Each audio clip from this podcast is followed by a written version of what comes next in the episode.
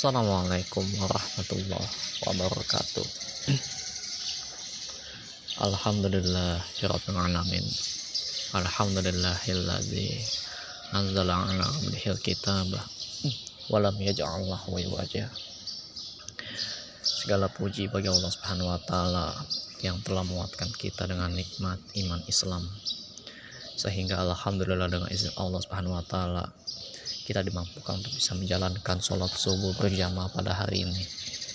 Dan Allah pertemukan kita kembali dalam taklim subuh rutin baik melalui Masjid Al Ikhlas langsung di sini maupun yang melalui live podcast pada hari ini. Insya Allah semoga kita semua senantiasa istiqomah mengerjakan perintah Allah dan menjauhi larangannya. Dan semoga orang yang belum diberikan hidayah baik dari kalangan keluarga kita, saudara kita, sahabat-sahabat kita, tetangga-tetangga kita, atau mungkin orang-orang yang belum kita kenal. Semoga Allah berikan hidayahnya kembali ke jalan yang diridhoi oleh Allah Subhanahu wa taala. Amin ya rabbal alamin. Dan jangan lupa mari kita ucapkan salawat dan salam kepada junjungan Nabi besar kita yakni Nabi Muhammad SAW beserta para keluarganya, para sahabatnya, dan orang-orang yang senantiasa berjalan istiqomah bawah naungan sunnah Nabi Muhammad SAW hingga akhir hayatnya. Hadirin yang Allah muliakan, kita masih bersama Al-Imam An-Nawawi rahimahumullah melalui kitab beliau yang luar biasa. Salah satu kitab beliau yang terbaik yang menjadi panduan bagi kebanyakan umat Islam ya yakni kitab Riyadus Solihin Semoga Allah merahmati beliau, keluarganya, orang tua beliau, guru-guru beliau, murid-murid beliau, orang-orang yang beliau cintai dan juga seluruh kaum muslimin di mana pun berada. Kita masih bersama bab tafakur, bab memikirkan kebesaran makhluk Allah, fananya dunia, kengerian akhirat, dan perkara-perkara yang berkaitan dengannya. Memangkas angan-angan diri, membersihkannya dan membawanya untuk beristiqomah di jalan Allah Subhanahu wa taala. Pada kesempatan kali ini insya Allah kita akan bahas ayat surat Muhammad ayat 10. Walau kalau kami membacanya sebetulnya untuk pemahaman saya pribadi tidak begitu sampai ya tentang pembahasan ayat ini karena ayat cantumkan Al-Imam An-Nawawi hanya dicantumkan sepanjang ini saja. Afalam yasiru fil ardi fayang zuru maka apakah mereka tidak pernah mengadakan perjalanan di bumi sehingga mereka dapat memperhatikan? Begitu punya ayatnya bunyi ayat cantumkan Al-Imam An-Nawawi hanya sebatas itu. Nah kalau kita baca Qurannya di mushafnya langsung maka Quran surat Muhammad ayat 10 itu bunyi ayatnya selengkap ini hadirin. Kita coba baca dulu ya. Surat Muhammad ayat 10 kita lanjut di ayat tadi. Afalam yasiru fil ardi fayanzuru lanjutannya kaifa kana aqibatul ladzina min qablihim? Dammarallahu alaihim walil kafirina amsaluha. Maka apakah mereka tidak pernah mengadakan perjalanan di bumi? Sehingga dapat memperhatikan bagaimana kesudahan orang-orang yang sebelum mereka. Allah telah membinasakan mereka dan bagi orang-orang kafir akan menerima nasib yang serupa yang persis gitu. Persis walaupun beda level aja ya. Namun kurang lebih sama gitu.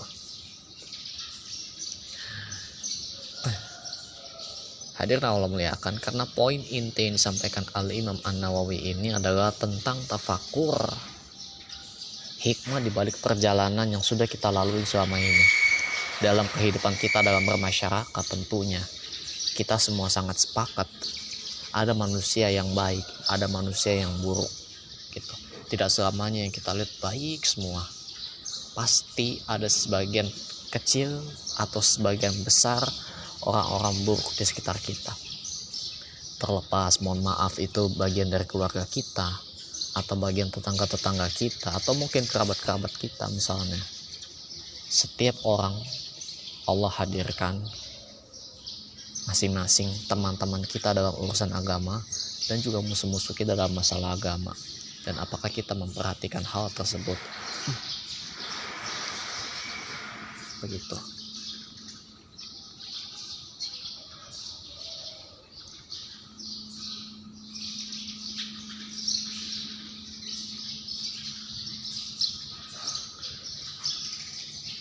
Lalu apa arti bunyi ayat yang dicantumkan al Imam An Nawawi ini di surat Muhammad ayat 10 mengapa beliau memberikan penjelasan yang kalau kata kita menggantung gitu ya?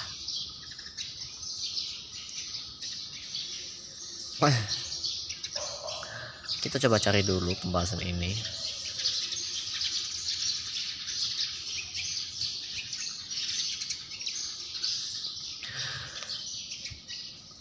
kalau di searching all dengan saya gitu ya maka sebetulnya diksi ayat ini banyak kita temukan di banyak ayat. Bahkan tidak hanya surat Muhammad saja. Ada kurang lebih sekitar lebih dari lima ayat. Dan sebetulnya itu sudah diwakilkan oleh satu ayat yaitu surat Muhammad ayat 10 contoh kita ketemu surat Arum ayat 9 misalnya. Surat Arum ayat 9 surat yang ke-30 ayat 9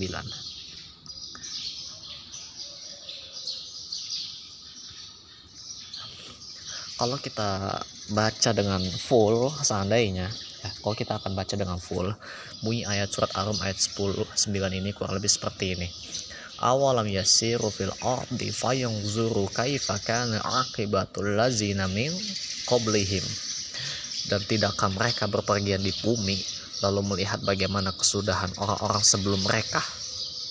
Nah, dikasih domir di sini yang mendustakan Rasul.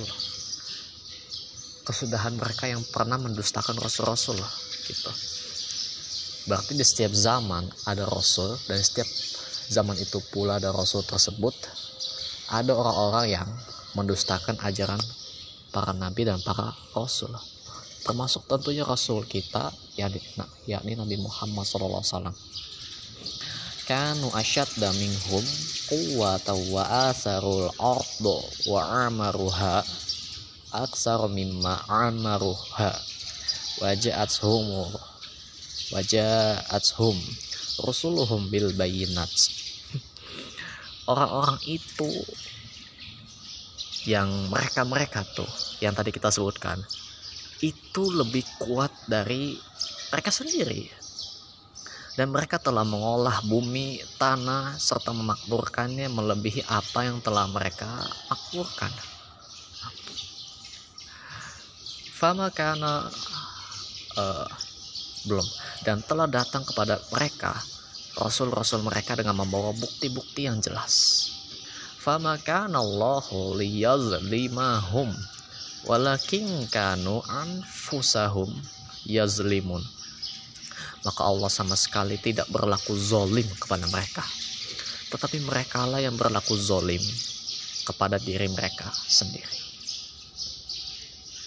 Itu surat Arum ayat 9 namun diksi kalimat ayat awal persis seperti surat Muhammad tadi ayat 10 awalan yasiru fil ardi Lalu di surat Mukmin ayat 82 pun juga sama. Ada gitu ayatnya. Di surat Mukmin.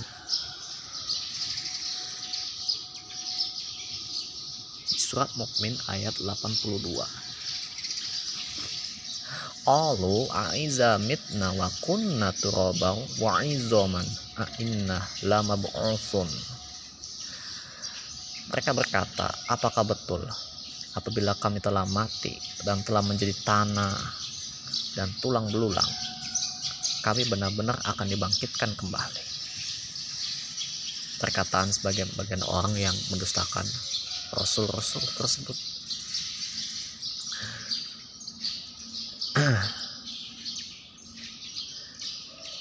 kita cek lagi.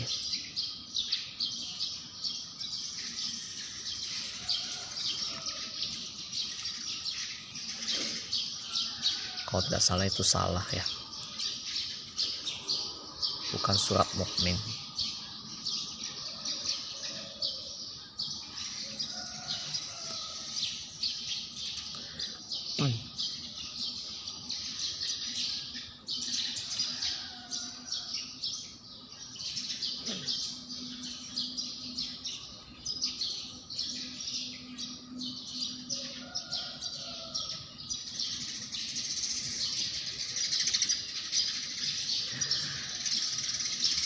nah ini dia afalam yasiru fil ardi fayanzuru kaifa kana aqibatul ladzina min qablihim kanu aksara minhum wa wasyadda wasyadda quwatan wa athara fil ardi fama agna anhum ma kanu yaksibun. Nah sebetulnya inilah ayat surat mukmin ya ayat 82 ternyata salah baca tadi maka apakah mereka tidak mengadakan perjalanan di bumi lalu memperhatikan betapa kesudahan orang-orang yang sebelum mereka? Adalah orang-orang yang sebelum mereka itu lebih hebat kekuatannya dan lebih banyak bekas-bekas mereka di muka bumi. Maka apa yang mereka usahakan itu tidak dapat menolong mereka. Kalau kita baca tafsirnya dari tafsir Sa'di insya Allah kalau ada di sini nah ada. Menurut tafsir As-Sa'di atau Syekh Abdurrahman bin Nasir As-Sa'di jadi beliau mengatakan Allah menghimbau kepada orang-orang yang mendustakan Rasul untuk melakukan perjalanan jauh di muka bumi ini dengan jiwa raga mereka dan bertanya kepada orang-orang lalu memperhatikan dengan renungan dan mencari bukti bukan pandangan lalai atau peremehan. Bagaimana kesudahan orang-orang yang sebelum mereka dari umat-umat sebelumnya, seperti kaum Ad, kaum Samud, dan lain-lain yang dahulu lebih kuat dan lebih banyak harta kekayaannya dan lebih dahsyat peninggalan-peninggalannya di bumi ini. Seperti bangunan-bangunan benteng, tumbuh-tumbuhan yang unik, dan pertanian yang sangat banyak.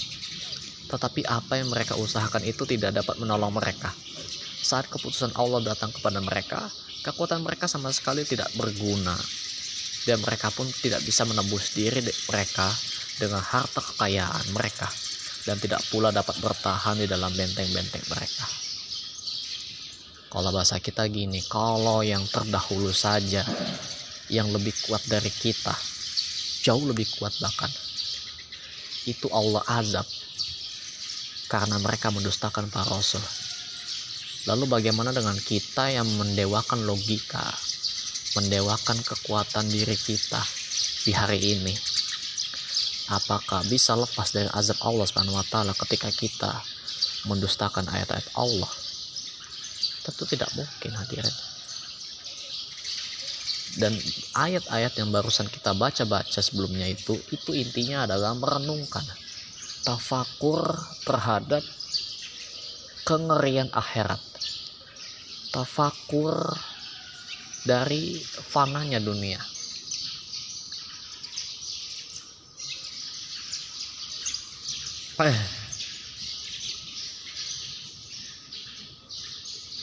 Dan bunyi-bunyi ayat yang demikian itu sangat banyak sekali.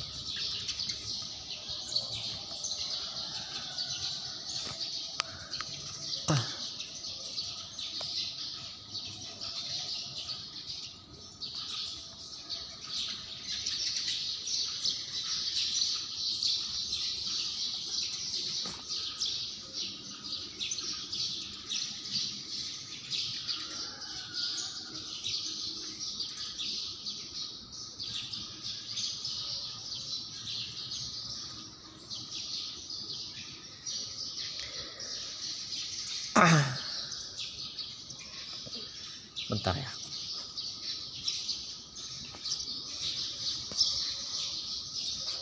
kita coba lagi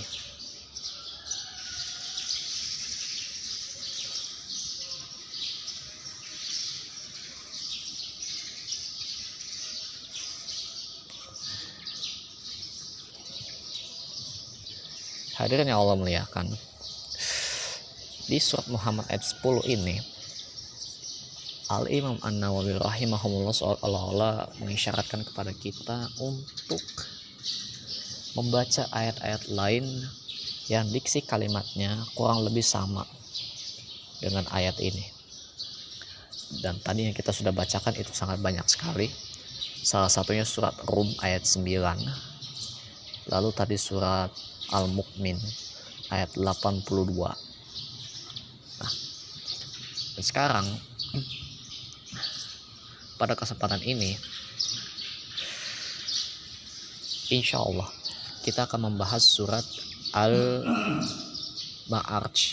Ma'arij. Surat Al-Ma'arij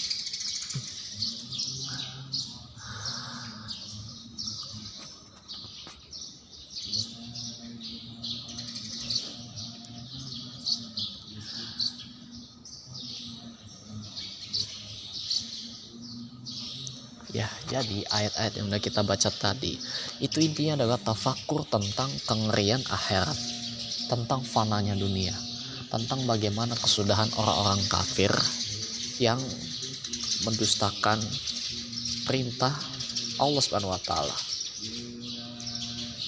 tentang azab gitu ya. Dan insya Allah untuk menutup ini kita akan bahas surat Al-Ma'arij kita akan bedah ayat demi ayatnya karena di ayat-ayat awalnya ini adalah pembahasan tentang orang-orang kafir yang mempertanyakan tentang azab Allah Subhanahu wa taala. Hadirin Allah muliakan, surat Al-Ma'arij ini dinamakan juga surat Salah Sailun. Salah Sailun. Pada umumnya para ulama dalam memberi nama surat-surat di dalam Al-Qur'an mereka memilih kata-kata dari surat tersebut yang menjadi pembeda dari surat-surat lainnya. Di antaranya pada surat ini, mereka memilih nama Mal Al-Ma'arij atau surat Sa'ala Sa'ilun. Adapun Mal Al-Ma'arij artinya adalah kedudukan yang tinggi atau derajat-derajat para penghuni surga yang akan kita sebutkan dalam pembahasan tafsir surat ini ini adalah surat yang ke-29 ya. Jadi surat Al-Ma'arij itu merupakan surat Makiyah, yaitu surat yang diturunkan sebelum Nabi SAW berhijrah ke Madinah. Sehingga nuansa surah ini sama seperti surat-surat Makiyah lainnya, yaitu banyak berbicara mengenai keadaan hari kiamat dan dahsyatnya azab neraka jahanam.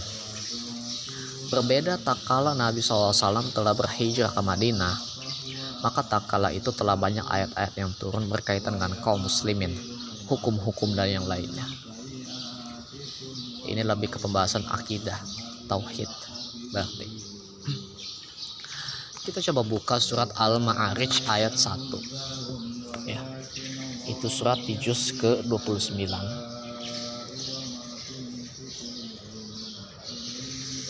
Surat Al-Ma'arij tepatnya surat yang ke-70 ayat 1 ke-70 ayat 1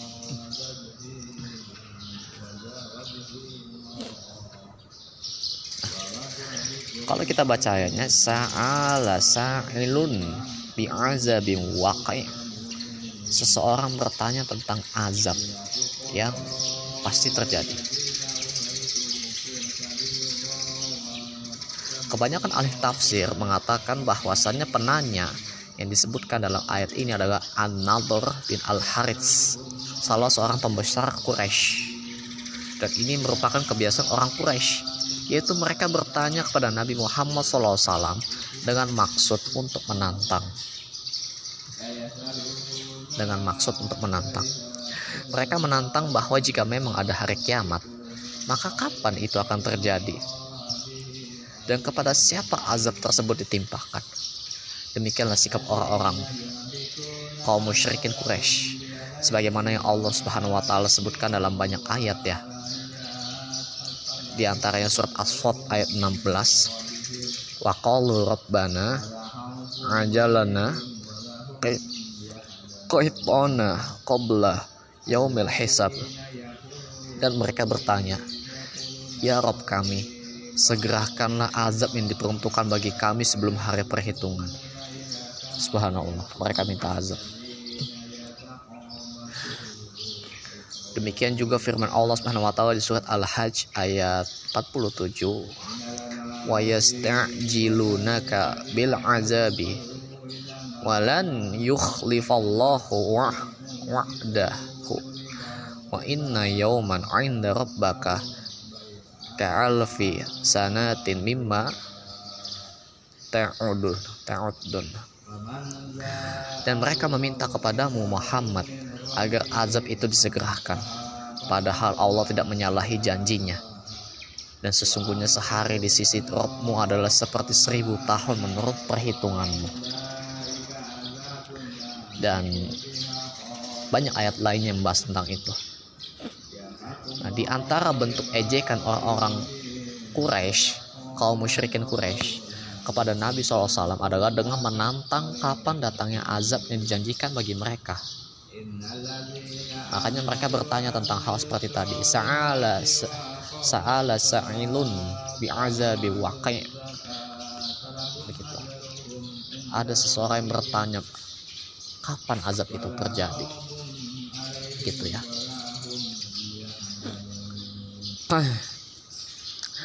Demikianlah kebiasaan orang-orang musyrik yang mengingkari para nabi. Mereka sering mengejek nabi, termasuk nabi-nabi sebelumnya, dengan menantang nabinya agar mendatangkan azab yang telah dijanjikan jika mereka benar adanya. Jika memang benar adanya. Begitu.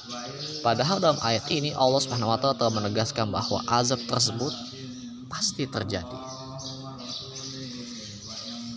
Lalu kita lanjut di surat di, lalu kita lanjut di ayat keduanya. Lil kafirina laisa lahu bagi orang-orang kafir yang tidak seorang pun dapat menolaknya. Yang tidak seorang pun dapat menolaknya. Allah Subhanahu wa taala menegaskan dalam ayat ini bahwa azab tersebut pasti terjadi bagi orang-orang kafir secara umum bahkan azab tersebut akan menimpa orang yang bertanya tersebut yaitu An-Nadir bin Al-Harith dalam satu riwayat tafsir ya menurut ulama tafsir. Dan tidak ada yang bisa menolak dan menghalangi turunnya azab tersebut.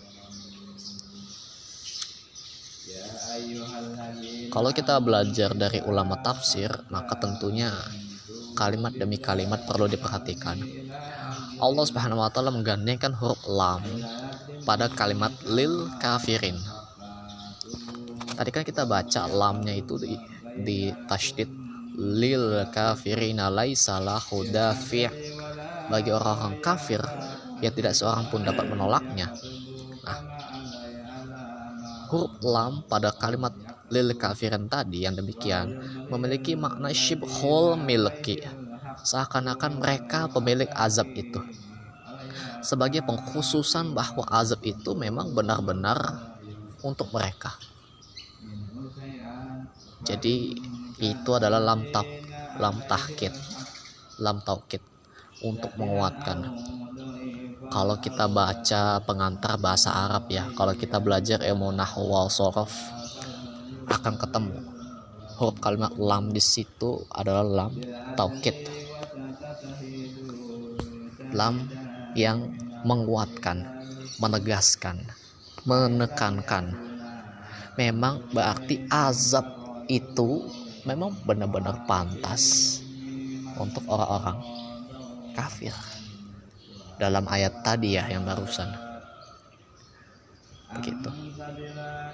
Lalu kita lanjut ke ayat ketiganya. Minallahi zil ma'arij azab dari Allah yang memiliki tempat naik-naik tempat-tempat naik pada ayat sebelumnya Allah Subhanahu wa taala menyebutkan bahwa azab tersebut tidak akan tertolak. Adapun dalam ayat ini Allah menegaskan bahwa azab tersebut tidak bisa tertolak karena datangnya dari Allah yang memiliki al-ma'arij. Nah, makna spesifik dari al-ma'arij itu adalah datang dalam beberapa penafsiran ulama. Sebagian ulama ada yang menafsirkan dengan derajat-derajat di langit yang dilalui oleh para malaikat. Dan pemilik-pemilik derajat tersebut adalah Allah Subhanahu wa taala. Dan ini menunjukkan akan keagungan dan kebesaran Allah Subhanahu wa taala. Karena menunjukkan azab tersebut adalah yang menguasai langit dan tempat-tempat yang dilalui oleh malaikat. Sebagian ulama yang lain menafsirkan al-ma'arij itu adalah dengan al-ghuraf. Al-ghuraf itu adalah surga-surga yang Allah Subhanahu wa taala siapkan bagi wali-walinya di atas langit. Sebagian lagi menafsirkan zil ma'arij dengan sang pemilik keagungan. Apa intinya? Intinya, jika azab tersebut telah turun, maka tidak ada yang bisa mencegahnya. Karena azab tersebut turun langsung dari Allah yang memiliki keagungan dan kekuasaan. Kalau kita perhatikan yang ayat ketiga tadi, maka ini masih nyambung dengan ayat-ayat yang sebelum-sebelumnya kita baca tentang merenungkan merenungkan perjalanan kita gitu berkeliling. Afalam yasiru fil ardi zuru maka apakah mereka tidak pernah mengadakan perjalanan di bumi sehingga mereka dapat memperhatikan lalu bunyi ayat lanjutan berikutnya memperhatikan orang-orang kesudahan orang-orang sebelum mereka begitu ayat ini menyinggung tentang orang-orang kafir orang-orang musyrik orang-orang munafik secara umum yang melakukan berbagai dosa-dosa yang tidak hanya merugikan mereka namun merugikan masyarakat jadi mereka seperti disuruh merenung, disuruh mikir. Pernah nggak baca sejarah orang-orang sebelum kalian? Sikapnya sama seperti kalian, namun hanya lahir di generasi terdahulu. Mereka lebih kuat dari kalian, namun mereka udah dihancurkan sama Allah Subhanahu wa taala karena kesesatan mereka. Maka apakah kita yang di zaman sekarang ya mohon maaf tanda kutip gitu ya hampir persis seperti orang-orang sebelum kita mau mengalami hal tersebut yaitu terkena azab Allah Subhanahu wa taala. Namun memang pembahasan ini agak susah untuk dipahami oleh kita bahkan oleh saya pribadi ya. Pembahasan ini adalah pembahasan yang super sensitif untuk yang tidak pernah bertafakur kepada Allah. Karena kalau sudah bicara tafakur, maka dia sudah memikirkan banyak hal, merenungkan banyak hal merenungkan bagaimana azab Allah itu kalau menimpa saya akibat perbuatan saya yang berbuat dosa tapi saya tidak bertobat. Bagaimana saya merenungkan misalnya tentang amal saya apakah sudah cukup untuk bisa menuju surga Allah Subhanahu wa taala? Atau jangan-jangan belum ada yang menerima? Belum. Jangan-jangan atau jangan-jangan eh, atau bahkan jangan-jangan amal saya tidak diterima sama ini karena ibadah saya nggak benar. Sehingga saya harus mengevaluasi diri mengevaluasi diri mengevaluasi diri. Tentu saja yang berbicara ini perlu banyak mengevaluasi diri hadirin gitu. Terkadang ada yang penjelasan yang bagus ada yang penjelasannya kadang mungkin kalau kata kita ngelantur kalau mereka punya sifat tafakur insya Allah mereka akan evaluasi itu karena kita nggak akan main-main dengan zat yang memiliki keagungan dan kekuasaan.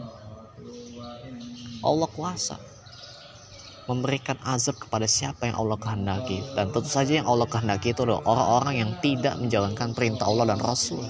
Yang mengingkari Allah dan Rasul. Yang berbuat syirik. Yang berbuat kemunafikan. Kekufuran. Begitu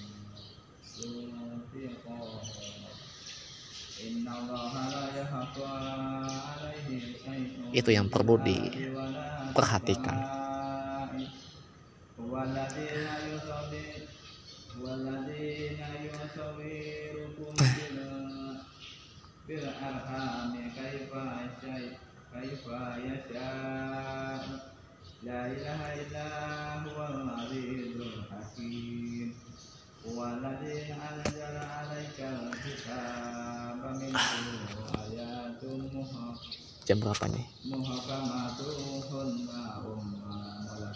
waktunya syur ya. Ya hadirin Allah muliakan mungkin itu saja pembahasan yang bisa disampaikan. Dan pembahasan tentang ayat surat Muhammad ayat 10 tadi itu sepertinya memang agak sulit untuk dipahami oleh kita bersama ya. Dan saran saya tentu cari referensi dari ustadz lain yang lebih berpengalaman tentunya dalam menjelaskan tafsir Al-Quran ya dan kita cukupkan sampai di situ. Insya Allah besok kita akan menemukan satu dalil terakhir di bab tafakur ini. Namun di sini di buku yang saya buku yang saya punya ini hanya dicantumkan ini hadis nomor 67 walau alam apakah ini hadis dari Sahih Bukhari atau Muslim atau mutafakun alaih? Atau ini hadis dari At-Tirmizi ya diriwayatkan oleh At-Tirmizi. Namun saya tidak bisa memastikannya. Ya, silakan dicari ya redaksi hadis seperti ini. Hadisnya kebetulan hanya ada satu di sini yang dicantumkan di cetakan Darul Haq. Isinya adalah al kaisu mandana nafsah orang berakal adalah orang yang menundukkan dirinya. Begitu. Hanya satu itu yang kami temukan di sini namun itu insya Allah bisa akan jadi pembahasan ya. Namun hadisnya tidak bisa saya sebutkan. Kurang lebih mohon maaf. Dan insya Allah itu yang bisa disampaikan. Dan setelah bab tafakur nanti kita akan masuk ke bab 10 kita minta pertolongan kepada Allah Subhanahu wa taala agar Allah senantiasa menguatkan iman dan takwa kita. Demi kesempurnaan majelis, marilah kita tutup dengan doa kifaratul majelis. Subhanallah wa bihamdihi. Subhanakallahumma wa bihamdika. Asyhadu an la ilaha anta astaghfiruka wa atubu ilaik. Wassallallahu Muhammad walhamdulillahirabbil alamin wassalamualaikum warahmatullahi wabarakatuh